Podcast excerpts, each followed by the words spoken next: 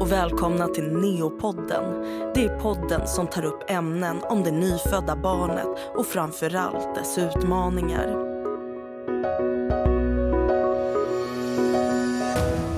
I dagens avsnitt av Neopodden tänkte vi prata om depression och depression i samband med en graviditet, förlossning och tiden strax efteråt. Vi kommer gå in på de känslor som väcks hos dig som förälder när man inte mår bra och känner sig nedstämd. Vilka är orsakerna till att nyblivna föräldrar blir deprimerade? Om det är vanligare bland föräldrar vars barn vårdas på neo och vad man som förälder kan göra för att kunna må bra igen. För att lättare förstå orsakerna bakom har vi tagit tillbaka psykolog Erika Baraldi för att gästa Neopodden. Jag vill också nämna att det här avsnittet kommer följas upp med avsnitt om anknytning då föräldrars mående och barnets anknytning hänger tätt samman. Hej och välkommen tillbaka till Neopodden. Tack så mycket. Du har ju varit här tidigare men för våra nya lyssnare så tänkte jag att du ändå får berätta vad du jobbar med. Mm. Erika Baraldi heter jag och eh, jag är legitimerad psykolog och också doktorand i specialpedagogik. Och som psykolog jobbar jag bland annat med vårdutveckling här på Karolinska Universitetssjukhuset inom neonatal eh, hemsjukvård och mottagningsverksamhet. Så jag finns här på Karolinska halvtid och halvtid håller jag på med forskning. Och forskningen rör också tidigt födda barn. Och idag så ska vi prata om eh, depressioner mm. och depression hos föräldrar som då har fått ett barn som vårdas här på neonatalen. Mm. Och då tänkte jag först ställa frågan, vad är psykisk ohälsa? För när hälsa blir ohälsa och när blir ohälsa en sjukdom? Mm. Det är en viktig fråga. Man kan säga att psykisk ohälsa det är det här svåra som hör livet till med oro, nedstämdhet irritation, det kan vara sömnsvårigheter och så. Det är verkligen tungt att bära för dig som individ eller för mig som individ. Men det betyder inte med säkerhet att man behöver någon professionell insats egentligen eller hjälp, utan det kan duga gott med vänner och, och bekanta och familj och så för att må lite bättre. Men sen när det går över i psykisk sjukdom, när det når den nivån, då är det ju också ett lidande förstås för individen. Men det innebär också att man fungerar mycket sämre i, i vardagen. Och den här typen av diagnoser och sjukdomar, de kräver ju ofta professionell insats. Till exempel psykoterapi, medicinering eller andra insatser kring personen. Så exempel på psykisk sjukdom kan ju vara ångestsjukdomar. Där har vi en rad olika PTSD kanske ni har hört om som handlar om trauma eller GAD eller social fobi eller så. Och sen så har vi till exempel då depressionssjukdomarna så att idag ska vi ju prata om depression har vi sagt. Mm. Och vad kännetecknar en depression? Ja, de två huvudsakliga ingredienserna eller grundbultarna i en depression, det brukar man säga är då nedstämdheten, ledsenheten som vi alla känner igen. Det kan betyda att man gråter eller så, men det behöver inte göra det. Men man känner sig ledsen. Och det andra är det som kallas för anhedoni. Och det betyder att vi tappar tappar intresset och, och, att vi, för saker som vi brukar tycka var roliga eller tappar liksom suget efter att göra det vi i vanliga fall tyckte om att göra. Och det kan ju vara att träffa vänner eller baka eller sticka eller spela golf eller vad det än må vara. Helt plötsligt så känns det meningslöst och inte roligt eller viktigt längre. Sen så finns ju en rad tilläggssymptom då som man kan ha. Depression kan ju påverka aptiten så att man äter mer eller mindre än vad man i vanliga fall gör sömnen, så man får sömnsvårigheter. Alternativt att man ligger i sängen hela dagen och har svårt att komma upp. Det kan påverka lite, alltså att man får en psykomotorisk hämning, att man blir liksom lite långsam och liksom stel i, i kroppen känner man sig. Energilöshet mm. kan innebära att man upplever sig som värdelös. Koncentrationssvårigheter är vanligt. Mm. Eh, och när depressionen, om den skulle bli lite svårare, eh, lite allvarligare, då händer det här också att man börjar tänka mer på, på döden. Och i första hand då kanske tänka på döden och, och tänka att det skulle vara bättre att jag inte fanns, skulle vara bättre för andra om jag inte fanns. Um, och om det blir ännu svårare så kan man ju ha tankar på att man faktiskt skulle skada sig själv eller försöka ta sitt liv. Mm. Så att det här är ju en, en farlig sjukdom, kan vara, om man inte får rätt hjälp och, och behandling i tid. Mm.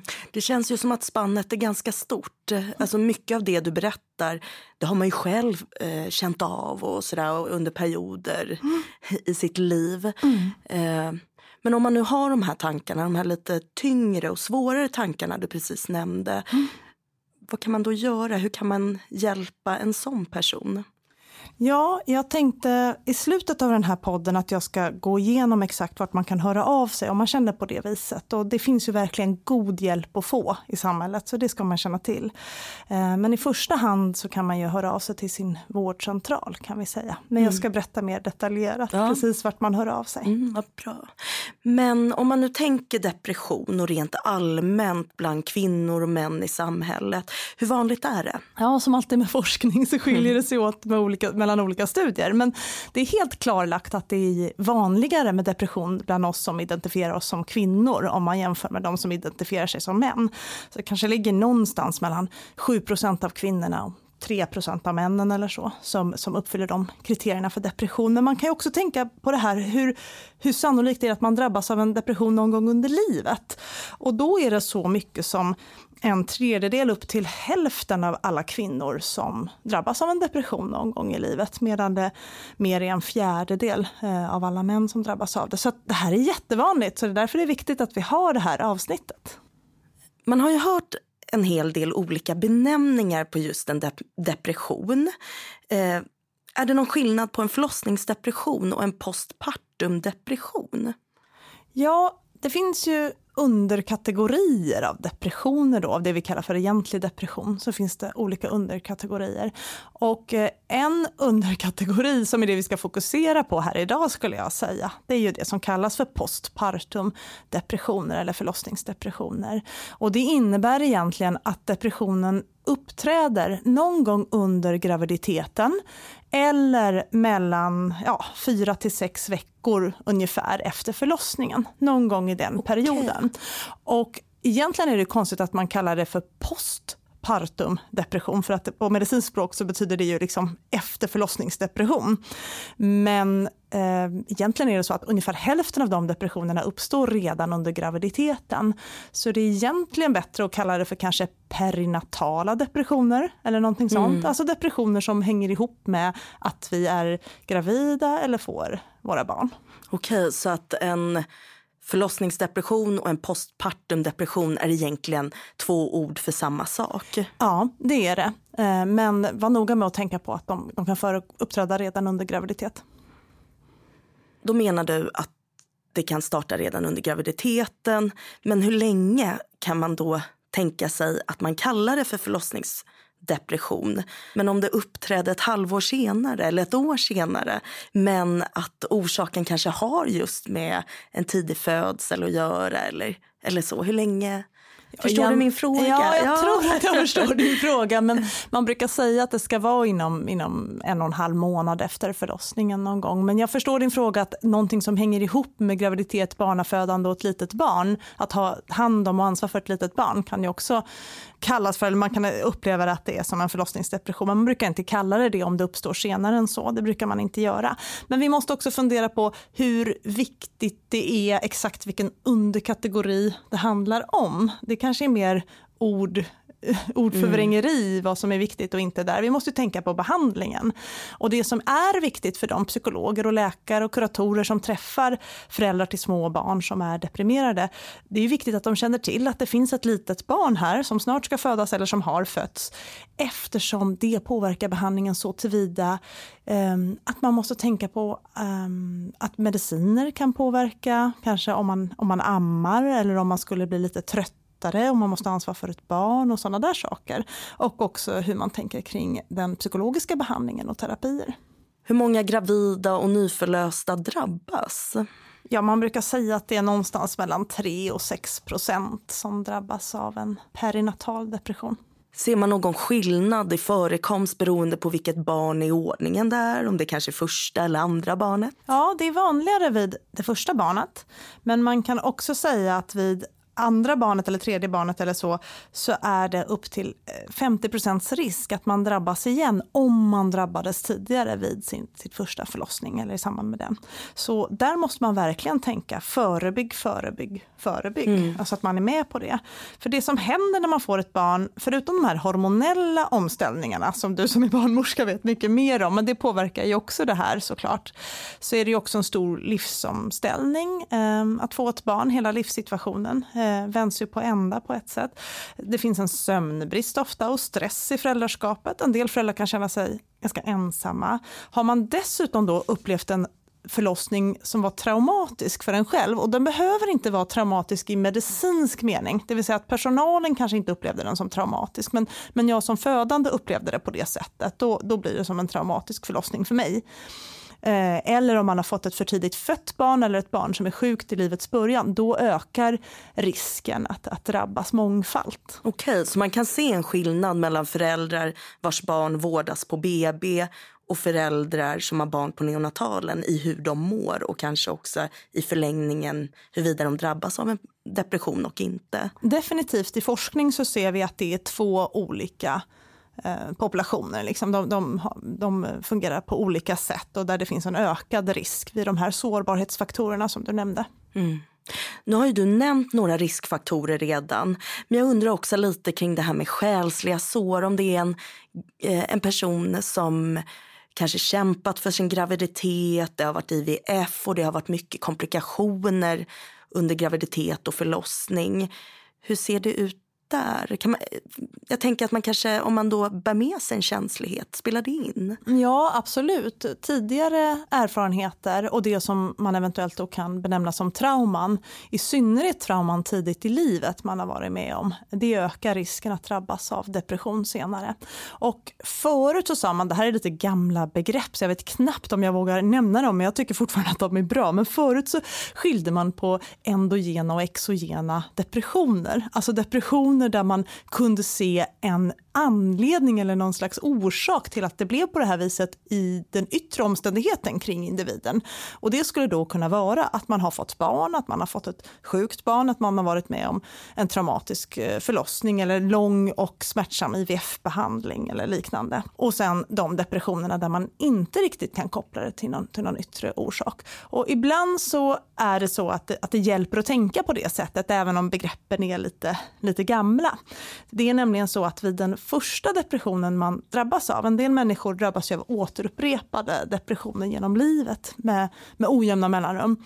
Ehm, då är det ofta så att vid den första depressionen så har man är det oftare så att man har kunnat se en utlösande faktor eller flera stressorer och sårbarheter som utlösande faktorer medan vid senare upprepade depressioner så är det lite svårare att se det. Så är det som regel men det, det, det är ju olika från fall till fall förstås. Mm. Om vi tänker, tänker oss att någon för första gången då får en depression, hur lång tid kan det ta för en depression att utvecklas? Jag har träffat en del föräldrar som har legat på neonatalen och de har kämpat på, kämpat på, kämpat på. Och så tänker vi som personal att åh, nu får ni komma hem och äntligen får ni bara varva ner. Men så faller de lite och mm. de kommer in i en depression. Hur kommer mm. det sig? Alltså, hur, att det, att det kan ta sin tid innan... Ja, du undrar här hur lång tid det ja, tar för en depression ja, att liksom bygga upp att och liksom blomma ut blomma eller blossa ut. Ja, jag så. förstår ju mm. frågan. Men tyvärr är det så med själsliga sår, eller vad vi ska kalla dem för, att de är inte så tydliga när de, när de, vad var första steget i den här processen? Var det den gången som jag inte fick vara med de andra kompisarna på skolgården i mellanstadiet och kände mig utanför under en längre tid? Eller var det den gången i gymnasiet när mina föräldrar skildes och jag kände mig väldigt ledsen och fick inget stöd i det? Eller var det den gången när jag insåg att jag skulle ha blivit svårt att bli gravid för mig? Eller var det den gången när mitt barn föddes under traumatiska förhållanden eller så? Det är svårt att sätta ett startdatum på när sådana här saker börjar utvecklas. Men för att det ska kallas för en depression, då måste de här symptomen som vi pratade om i början av programmet, de måste ha funnits i minst två veckor utan avbrott för att det ska få klassas som en depression. Medan vid dystemi, som man kan säga är, har ett mycket längre förlopp och kanske, eller ofta i alla fall, inte lika djupt så ska de här symptomen ha funnits i två år och de har inte fått vara borta så att säga längre än två månader i taget mm. under den tiden.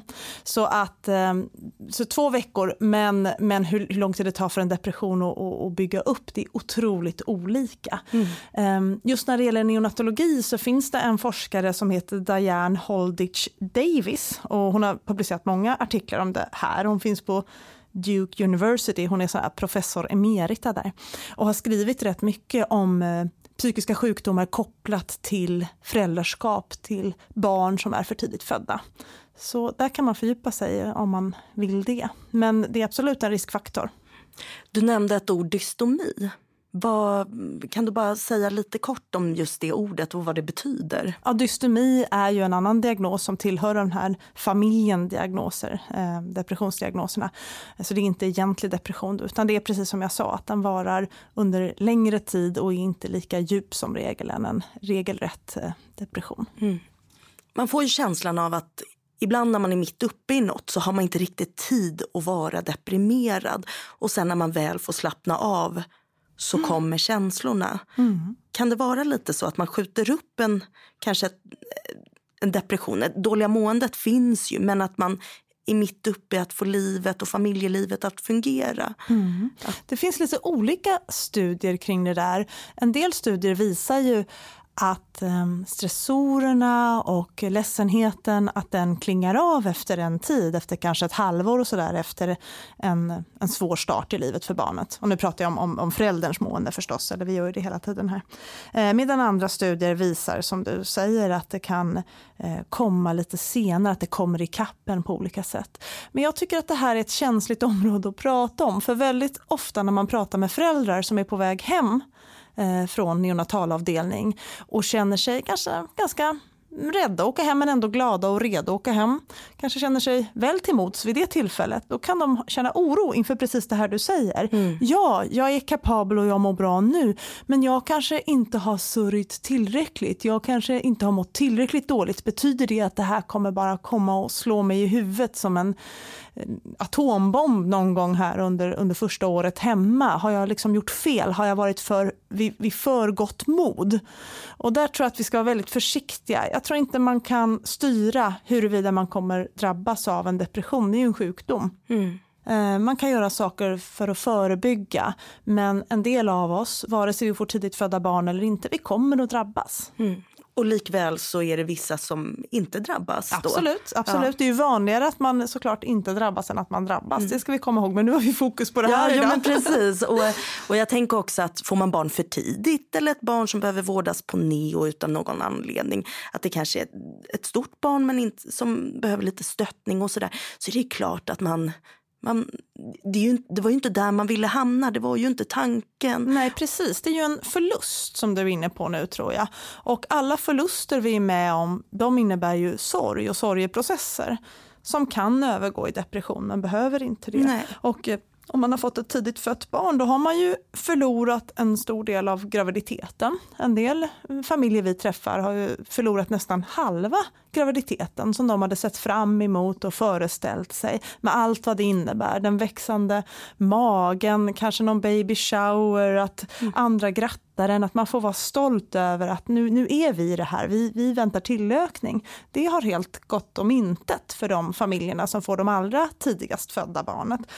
Ehm, man har ju också förlorat ofta den typ av förlossning man hade föreställt sig och tänkt. Man kanske hade tänkt en lugn jag vet inte, vattenförlossning eller man hade tänkt en förlossning med en, med en dola eller man hade tänkt någonting annat och så blev det en ganska stressfylld förlossning med, med väldigt mycket folk i rummet som hade fokus både på barnet och på, på mig. Och det, det är också en förlust av mm. den här tänkta förlossningen. En del människor har ju tänkt sig en matningsperiod av barnet, en amningsperiod, eh, som inte blev på det sätt som man hade föreställt sig då, ifall man har behövt till och med sondmata barnet eller absolut då flaskmata barnet i perioder. Och det kan också vara en, en stor sorg och, och, förlust och känsla av liksom otillräcklighet. Mm. Och sen är det så att man har förlorat någonting som vi psykologer brukar kalla för det drömda barnet. Det låter ju lite flummigt då, men, men när man är gravid och föreställer sig barnet, då föreställer man sig ofta ett, ett friskt barn, ett eh, livskraftigt, starkt barn, nästan ett, ett självständigt barn, eller vad man ska säga, som liksom är pigg på livet och så här. Och om man har vårdats på neonatalavdelning och 10% av barnen vårdas ju där, eh, kortare period eller längre period, då kanske man istället har fått träffa ett barn som har haft en skörhet med sig, kanske har varit sjuk, kanske har behövt väldigt mycket hjälp, medicinska insatser och omsorgsinsatser. Så att man själv känner att det där är ett annat barn och det måste man också smälta. Vilka föräldrar möter du? Hur mår de? Ja, det är ju väldigt, väldigt olika hur, hur föräldrar mår, men om man är ledsen eh, i den här situationen och, och kanske till och med uppfyller kriterierna för en depression, då, då funderar man ofta så här, hade min, mitt barn haft det bättre med en annan förälder än med mig? Är jag, jag tillräcklig för mitt barn? Tillräckligt bra förälder?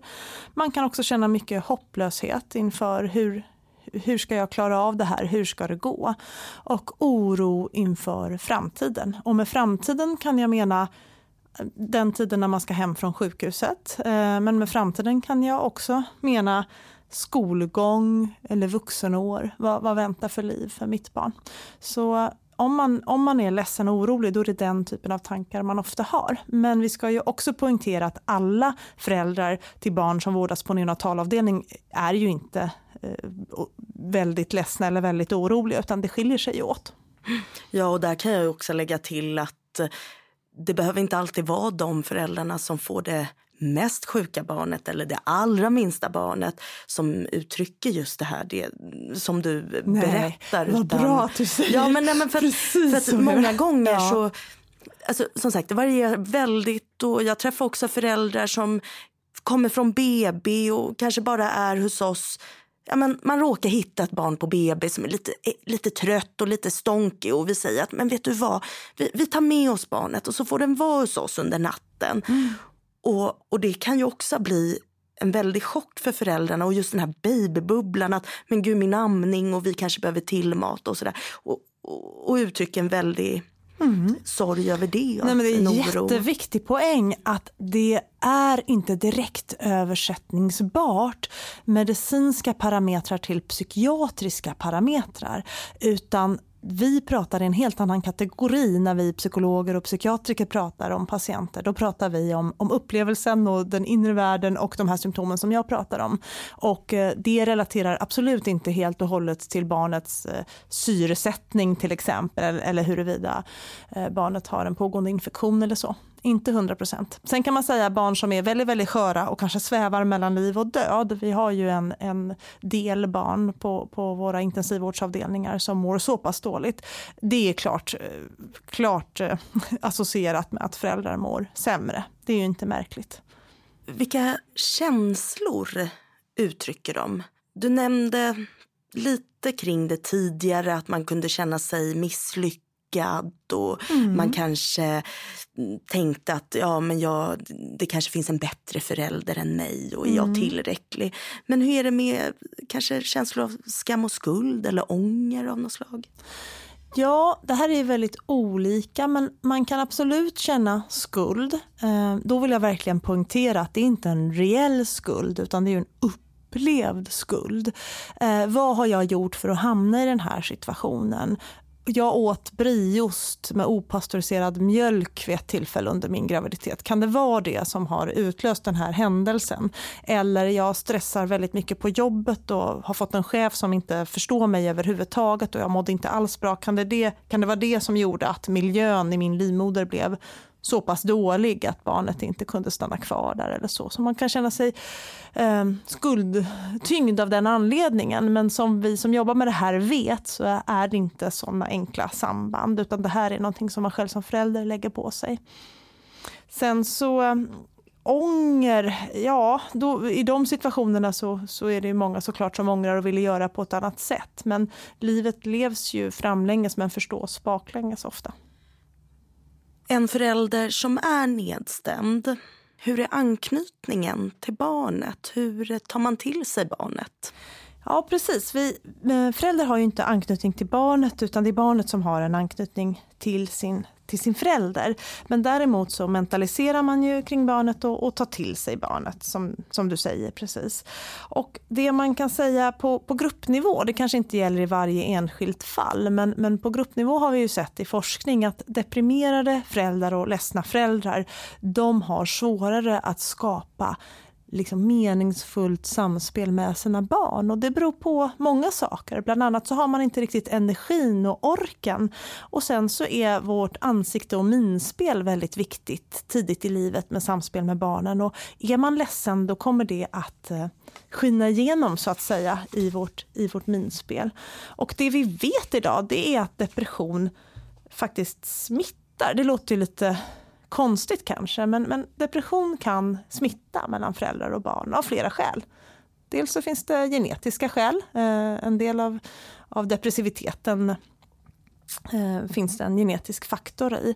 Sen så är det så att när hjärnan utvecklas i fosterstadiet och tidigt i livet så, så utvecklas ju också vårt stressregleringssystem, bland annat det som kallas för HPA-axeln och eh, som ska liksom reglera hur vi hanterar hot och, och, och sådana svåra stressfyllda situationer vi är med om genom livet. Och eh, har det, utvecklingen av den påverkats tidigt i livet då kommer det liksom ge ett eko kan man säga upp genom livet. Det betyder inte med säkerhet att man blir deprimerad men däremot att man har liksom med sig en extra sårbarhet kan man säga. Sen så verkar det som att en hel del beteenden är inlärda. Nu låter jag väldigt mycket som en psykolog, men, men vi har ju modellinlärning. Vi ser på andra och lär oss av dem. Och i synnerhet så ser våra barn oss och, och, imiterar och lär sig av oss. Det har vi nog varit med om allihopa. Och också beteenden av att dra sig undan, att känna hjälplöshet och ledsenhet. Det, det lär sig också barn då via modellinlärning. Jag tänker bara på det här du sa med att det lite kan smitta av sig då. Tänker man för barnet på sikt eller just där och då i stunden att om mamma är ledsen här och nu och inte visar mig eh, den uppmärksamhet jag behöver så blir jag här och nu ledsen? Ja, både och. Både och. Både på sikt och i stunden. För det är också så att är man deprimerad själv då, då har man svårt att skapa en tillräckligt eh, ska man säga, stimulerande miljö för barnet. Så det blir lite stimulisfattigt för att, eh, ofta för att jag själv är så pass ledsen. Och det påverkar ju barnets utveckling både här och nu i kontakten, lekfullheten saknas kanske, men också på sikt att hjärnan inte får den stimulans optimalt som hjärnan behöver. Och man vet ju själv när man är ledsen att ens, ens liksom lyhördhet och sensitivitet eh, går ju ner som vuxen i samband med att vi, att vi är ledsna. Eh, för att man orkar inte med eh, fullt ut och ha fokus utåt. Men när jag berättar om de här sakerna så är det ju väldigt viktigt att inte skapa ännu mer liksom, en känsla av skuld och skam. Utan tvärtom så vill jag säga att eftersom det är så här viktigt så är det extra viktigt att söka hjälp och komma vidare. Och det finns otroligt bra behandling. Det ska vi också komma in på senare. Mm. Det man ska veta är att depressioner i sig själva, de läker ju ofta ut. Man brukar säga att efter tre månader ungefär så har 40 procent av depressionerna börjat läka ut av sig själva utan intervention och efter ett år har ända uppemot 60 procent av depressionerna läkt ut. Men det går ju fortare och, eh, och stabilare liksom återhämtningsprocess med rätt behandling och insats. Så jag tycker inte man ska avvakta och se. Nej, jag vill bara komma tillbaka till det här lilla barnet igen. Mm.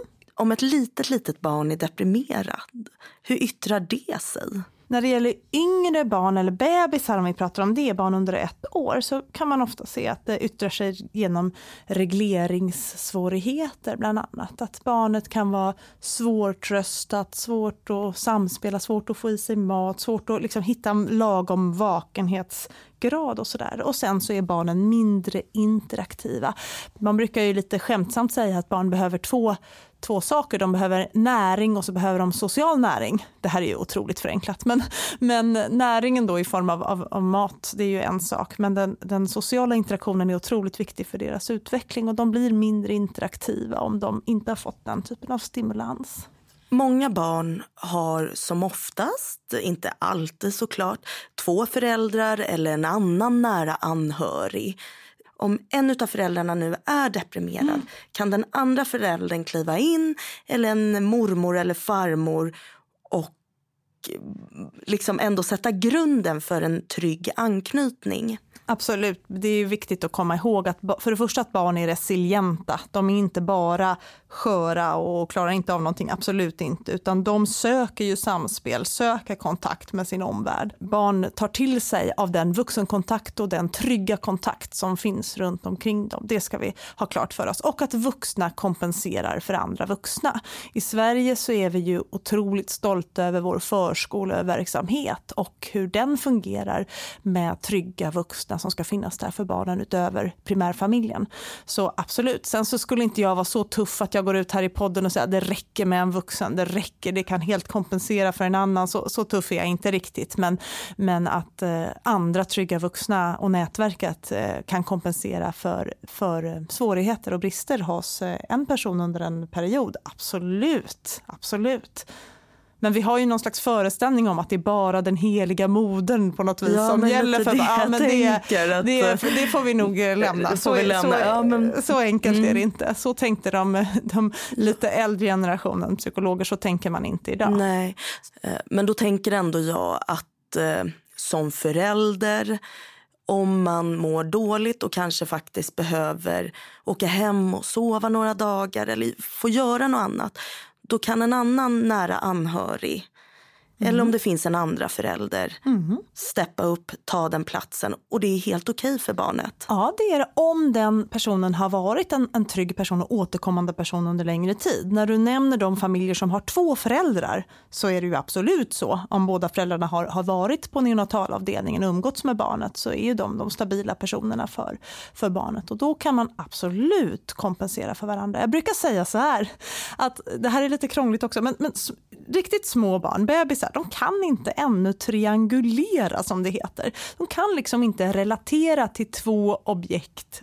andra objekt än sig själv samtidigt. De kan inte tänka så här, där är min mamma och där är min andra mamma eller min pappa eller vad det kan vara. Eller där är mamma och där är sjuksköterskan. Så kan ju såklart inte ett litet barn tänka än. Utan de kan liksom relatera till, som det verkar, eh, till en sak i taget, ett objekt i taget, en människa i taget. Och det gör att vi behöver inte hela tiden tänka att vi måste vara två föräldrar på neonatalavdelning konstant.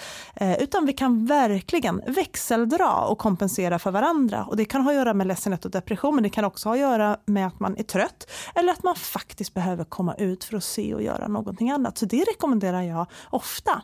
Men föräldrar säger ofta till mig att ja, det är kanske inte så mycket för barnets skull, utan jag vågar inte vara här själv, för jag är jätterädd för de besked som kommer väldigt hastigt här på neonatalavdelningen när läget läget är instabilt med barnet. Hur ska jag ta det själv? Jag måste ha stöd av min partner. Så det är oftast den anledningen. Mm. Det känns ju som att eh, det är många som redan har det men att en kanske tredje person vore bra att inkludera i det här. Mm. Om det mm. finns en nära vän eller en mm. förälder till föräldrarna då mm. eh, som kan få komma med jämna mellanrum. Ja, nätverksstöd är ju en av de allra viktigaste eh, friskhetsfaktorerna som vi har. Men sen, det får någon annan prata om här i podden, men sen finns det hygienrutiner och det finns annat som kan stoppa. Men, men liksom ur en psykologisk synvinkel, om jag bara sitter här och är psykolog, så absolut. Mm. Och det har vi också, eller det har jag märkt mycket på avdelningen, att ibland så är det liksom pappa och eh, barnets farfar som, som finns där inne på rummet. Och, och det har varit så under en längre period för att den andra partnern behöver för sitt eget mående.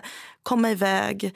Eh, vi har också haft att de behöver gå ut på promenad eller faktiskt ta sig till ett samtalsstöd någon annanstans. och Så, där. så att, eh, Vi ser emellanåt att det är en mor eller farförälder eller en, eh, ett syskon till föräldrarna som faktiskt är återkommande på neonatalen. Ja, det är ju fantastiskt det, om det kan vara mm. så. Det är säkert inte så i många delar av världen inom, inom neonatologin utan det är säkert en, en, mm. en fantastisk sak just här på Karolinska och andra sjukhus ja. i Sverige skulle jag säga. Det är fantastiskt. För du är ju inne på ganska mycket av det här med prevention nu egentligen, depressionsprevention när du säger ta en promenad. För det kan ju vara en sån sak som, som handlar om att förebygga att man ska fast fastna i negativa tankespiraler och så vidare. Och då är lämna avdelningen. Världen är faktiskt större än det här sjukhuset, även om det inte känns så när man, när man är på sitt rum. Det, det är ett tips man kan ha. Ett annat tips vad det gäller prevention det är att försöka fortsätta att göra sådana saker som brukade göra mig glad eller brukade göra mig på gott humör. Och det är individuellt vad det kan vara. Det kan vara att fika med en kompis, att, um, att sticka att eh, mecka med båtmotorn, det kan vara olika saker. Men försöka komma iväg på aktiviteter som brukade göra mig glad. Det kallas för beteendeaktivering och det motverkar depression, det vet vi idag. Sen är det ju så att föräldrar kan säga att jag kan inte lämna mitt barn på avdelningen, men då ska man tänka på det här att finns det en annan trygg vuxen, och då pratar jag inte i huvudsak om en, om en vårdpersonal, utan en, en trygg vuxen, någon från familjesfären eller kompissfären, så kan man kompensera för varandra. Och man ska inte gå på hjärnans lurendrejeri. För att hjärnan som är på väg in i depression kommer att lura oss och säga att nej, nej, nej, gör inte det där, det är ändå inte roligt. Du finner ändå inget glädje i det där, gör det inte. Men det är hjärnans sätt att göra det som hjärnan är van vid i det, vid det här laget, nämligen komma närmre depressionen. Och då måste man bryta det genom att säga, ja, det känns så, som jag inte fin finner någon glädje i den här promenaden. Men jag vet ju från min historia att jag brukar må bra av en promenad, så jag gör det ändå. Och när mm. man gör det till en rutin så till sist kommer man att uppskatta det igen. Eh, det finns andra preventiva insatser, till exempel att hålla kroppen i rörelse. Vi har ju sett att träning och motion har att göra med, med depression, motverkar depression. Det finns en del fina studier på det. Det är viktigt att försöka hålla sin dygnsrytm och rutin någorlunda intakt. Och det här är ju jättesvårt att kombinera med att man har fått ett litet barn, där livet går i tre timmars intervaller ofta över dygnet. Men att försöka hitta någon form av, av rutin och, eh, och struktur, eh, det motverkar också. Mm. Eh, jag pratade med ett föräldrapar som berättade att de firade små framgångar. Och Det kunde vara för en annan väldigt små framgångar sådär, ja. men som för dem betydde väldigt mycket. Mm. Och hur mycket det betydde då, alltså, för dem att göra. Och Det som också hände då var ju att de såg varandra lite som ett par. Alltså de fick en stund tillsammans lite som ett kärlekspar också och inte mm. bara det här att man ja, är på avdelningen och det är mycket som händer och sådär och man kanske lite glömmer bort varandra utan det var en stund för dem. Det, det, låter fantastiskt. Det, det, är det som en del par kallar för date night. De hade det fortfarande. Och date det, night på neo. På ne nej, men det är roligt för att jag har ju haft att göra med neonatalverksamhet och jobbat där sedan 2014 och jag har bara varit med om det tror jag eh, vid ett enstaka tillfälle, att man verkligen arbetar med att hålla relationen levande mitt i det här tumultet och känslotumultet som man ofta är i. Så det, det låter ju fantastiskt. Om man nu är förälder på en neonatalavdelning, när ska man be om hjälp? Ja, eh, direkt skulle jag säga som man känner att det är övermäktigt eller att man har väldigt mycket undvikanden, undvikande beteenden. Det vill säga att nej, åh, nu ringer min kompis och frågar hur det är och jag vet ju att jag gillar honom egentligen men jag trycker bort samtalet för att jag, jag mår inget bra nu. När man känner att man har väldigt mycket sådana undvikanden då behöver man absolut be om hjälp. Är man på en neonatalavdelning, nu, nu pratar jag lite utifrån Karolinska perspektiv då, men då har man möjlighet att be om hjälp genom en kurator som fick, finns kopplad till, till avdelningen på olika sätt. Eh, man kan också be om en BUP-remiss, barn och ungdomspsykiatrisk remiss. Eh, då kan avdelningen ordna med det så att man får träffa en psykolog som också jobbar med samspel mellan föräldrar och barn. Eh, och man kan också kontakta sin vårdcentral. Och sen är det många som säger men jag kan inte komma iväg till min vårdcentral när jag är på neo och det har jag full respekt för. Men i de här digitala tiderna så kan det vara så att man har möjlighet att ha en vårdkontakt digitalt även när man själv ligger på sjukhus. Och där kan jag också tillägga att eh, är det så att man känner, man kanske tycker att det här är lite jobbigt och man orkar inte och man vet inte och sådär. Så har man en personal man har lite förtroende för och som man kanske pratar med emellanåt och så. Mm. Så vill jag bara säga att vi förmedlar också gärna en kontakt till en kurator. Det kan vi som personal på golvet hjälpa dig med. Mm. Det kan ni göra och jag tänker också att det här kontaktmannasystemet, kontaktskapssystemet kan ju också göra att man får hjälp bara av att prata med den som känner barnet väldigt bra. Det kan ju vara en, en, en sjuksköterska eller, eller barnmorska eller undersköterska eller så som man har god kontakt med. Ibland kan det räcka. Så det finns ju liksom olika nivåer i vården och man behöver inte alltid ha remiss. Nej, och det märker ju vi, jag som bara jobbar nätter nu mer.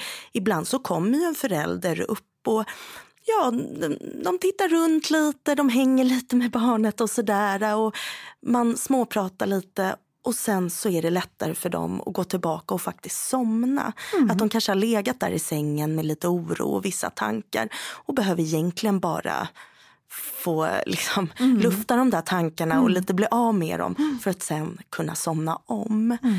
Eh, så det märker vi ofta. Och det tycker ju också vi personal är ganska trevligt när mm. föräldrarna kommer och man märker att de ja, men de vill lite umgås och men prata Det förstår lite. jag, det ger mm. meningsfullhet till det man gör. Men det man ska hålla i bakhuvudet är att ni har ju också andra huvudsakliga arbetsuppgifter. Så också för att eh, ni ska tycka att, eh, att ni får stöd i den här situationen så kan man remittera vidare. För ni ja, har ju verkligen. annat ansvar på avdelningen också. Mm. Och det är precis som du säger, jag som är barnmorska, ja, jag är utbildad på lite annat. Men men nu efter några år så har man börjat lära sig också att läsa vissa signaler. Mm. Så märker jag att en förälder är ganska kontaktsökande så är det ju inte kanske mig i första hand föräldern ska prata med. Utan då säger jag också att vet du vad, eh, vi har en superbra kurator här, kan mm. inte jag få? Mm. Och så skickar jag en remiss eller mm. ringer direkt. Mm. Eh, så det kan också vara det då. För jag är ju inte den bästa att prata med. Det vet jag inte. Det, det beror ju på. Det, beror ju på. det som är fantastiskt med, med avdelningspersonalen är ju att man känner till det här ämnet med, med barn som är sjuka i livets början otroligt väl, utan och innan. Och en del föräldrar kan ju uppleva att de har träffat en, en kanske jättekompetent legitimerad psykolog eller psykoterapeut eller så på en, på en vårdcentral eller i annat vårdsammanhang eh, som är jättekompetent inom sitt område men som inte har hört om till exempel för tidigt födda barn. Mm. Eh, och då kan man också tappa lite i förtroende om man ska berätta de här väldigt speciella upplevelserna från, från vårdtiden. Det kan mm. vara så. Men behöver ja, inte. Och vi personal, vi är ju, vi är ju ett direkt stöd mm. och vi kan svara på många av just de här frågorna som rör barnet. Och då kan vi liksom till en början svara, svara på det lite och ge en viss trygghet. Men så småningom så är det allra bästa kanske att ändå ha någon mer långsiktig mm. eh, eventuellt. kontakt. Eventuellt, eventuellt ja. mm, om det har gått så långt. Mm. Som deprimerad, vet man alltid att man är deprimerad?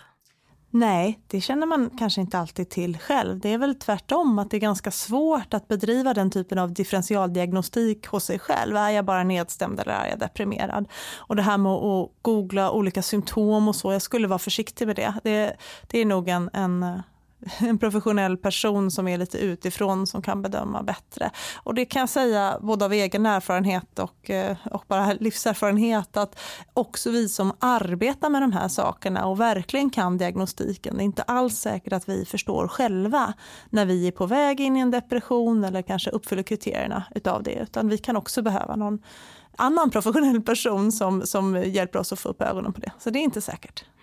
Jag tänkte höra också bara kring psykoser. Vad är en psykos och hur vanligt är det? Ja, ehm, de här psykoserna i samband med barnafödande de är ju väldigt ovanliga som tur är. Men det är långt mycket mer fler föräldrar som är oroliga för det. De kan säga att jag är på väg att bli galen. Jag, jag är så rädd nu, jag är så ledsen nu så jag kanske, inte, jag kanske inte kan ta hand om mitt barn. Jag kanske kommer skada mitt barn. Jag kanske är galen. Så där kan, kan föräldrar fråga. Men, men eh, förlossningspsykoser är väldigt ovanliga. Man brukar säga att det är någonstans mellan en till två promille som skulle ha en depression i samband med förlossningen som, som antar liksom psykotisk valör. Då. Och vad är psykotisk valör? Ja, det är ju lite att man har en förändrad verklighetsuppfattning eh, jämfört med gängse verklighetsuppfattning. Man kanske har vanföreställningar. Man tror att man, nu tar jag exempel, men man skulle kunna tro att man behöver ett straff eller att man kommer bli straffad för någon, någon oförrätt som man, som man har gjort eller sådär som är väldigt överdriven. Och man kan också ha föreställningar om att eh, man kan liksom uppleva verkligheten annorlunda än man gör i vanliga fall. Till exempel känna lukter eh, som ingen annan känner eller höra ljud som ingen annan hör eller syner som ingen annan ser och sådär. Eh, så det tillhör liksom psykosfacket. Men man kan säga att oron för psykos är otroligt mycket vanligare än faktisk psykos.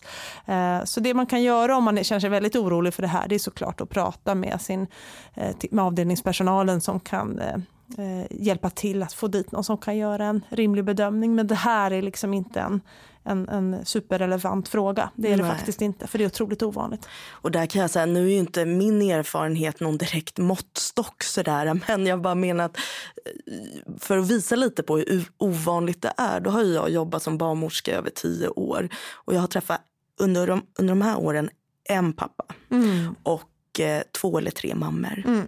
Mm. Nej, men det ger verkligen perspektiv. Så det här säger vi bara för att lugna. Bara för att lugna. Ja. Och vi kan också säga att skulle det vara så att man drabbas så får man behandling för en förlossningspsykos så är prognosen otroligt god. Ja, så att det finns väldigt, väldigt bra psykiatrisk hjälp och mediciner att få i de fallen. Ja, och vi finns ju som fångar upp er. Mm. Det här märker vi på en avdelning. Mm. Det förstår jag. Precis som vi har nämnt så får ju långt ifrån alla en depression. Eh, det jag kan ha märkt lite det är att vissa har kanske ångest och en oro, vilket många gånger också är normalt. Men jag undrar ändå lite kring PTSD och posttraumatiskt stresssyndrom. Vad kännetecknar en PTSD och hur vanligt förekommande är det? Det som kännetecknar en PTSD det är att man har varit med om en händelse som man upplevt som trauma, traumatisk, traumatiserande. Och det kan ju vara hot om, om död eller sjukdom eller att man faktiskt har sett saker som har varit väldigt svåra och läskiga. Och det som händer sen det är att man får liksom återupplevanden, det som man brukar kalla för flashbacks av de här händelserna om och om igen vid tillfällen när man inte önskar det om man säger så. Att man undviker situationer som på något sätt skulle kunna relatera till den här situationen som, som har varit skrämmande för en. Att man har en överspändhet i, i kroppen, i sinnet, att man liksom är verkligen på, på, på pass hela tiden, att någonting läskigt skulle kunna hända och sen får man en del kognitiva symptom.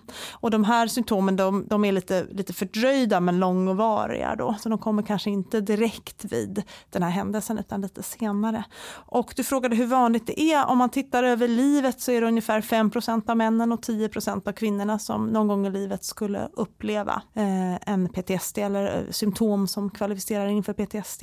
Det här har ju inte med depression att göra direkt eh, utan det här är ju en ångestdiagnos och det förtjänar nästan ett litet eget kapitel, PTSD.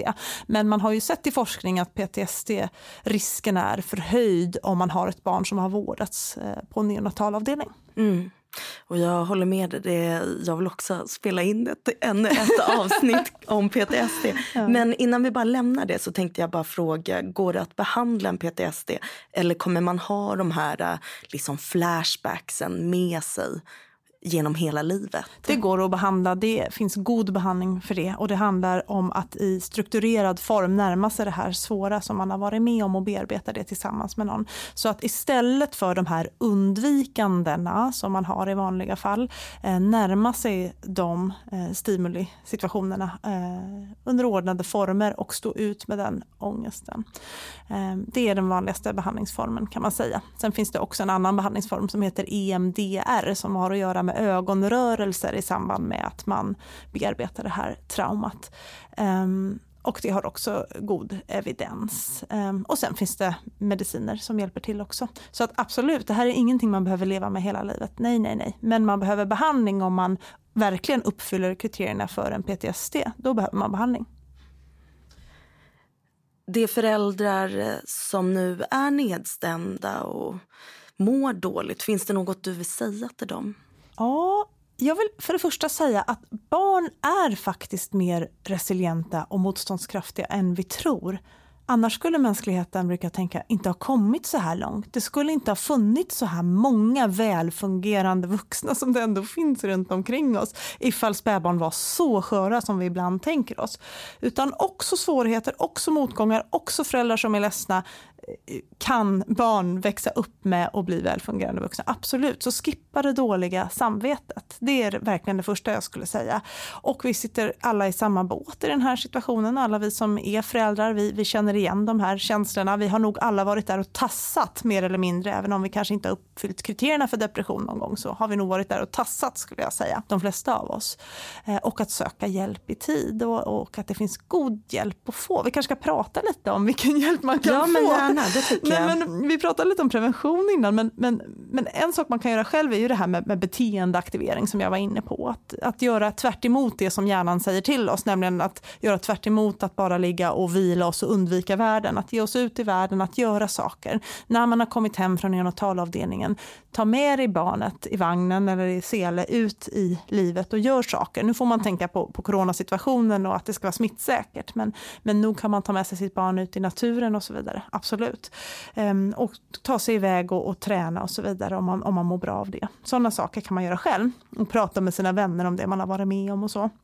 Sen så nästa nivå av behandling det skulle vara någon form av stödinsats. Då. Man kan ju få stöd både av, av nära och kära men också av professionella personer, till exempel kuratorer kan ju ge stödinsatser som, som hjälper bra på vägen. Och nästa nivå skulle ju vara olika typer av behandling och då finns det ju både psykoterapeutisk behandling och medicinsk behandling. Eh, och båda har god effekt och i synnerhet har det visat sig vid medelsvåra till svåra depressioner i kombination.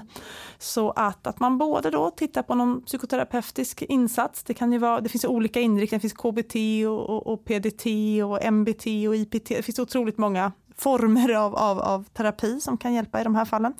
Eh, och sen så medicinsk behandling och där verkar det ju vara så att just mängden tillgängligt serotonin, den här signalsubstansen eh, mellan nervcellerna, eh, verkar ha eh, en viktig betydelse när det gäller depression. Så att därför så är det den här medicinen SSRI i huvudsak som eh, man brukar förskriva i de här fallen och då behöver man prata med en läkare. Men hur vet man i denna djungel av olika behandlingar vad som passar en bäst? För om det är KBT eller något annat, får man stöd med det? Eller behöver jag veta själv vad som nej, man kan, man kan absolut börja orientera sig genom att träffa en psykolog och fråga hur den personen jobbar. Det, ska, det man ska vara väldigt noga med när man söker vård, um, om det är privat vård i synnerhet, det är ju att personen har en legitimation. Så det bör man fråga.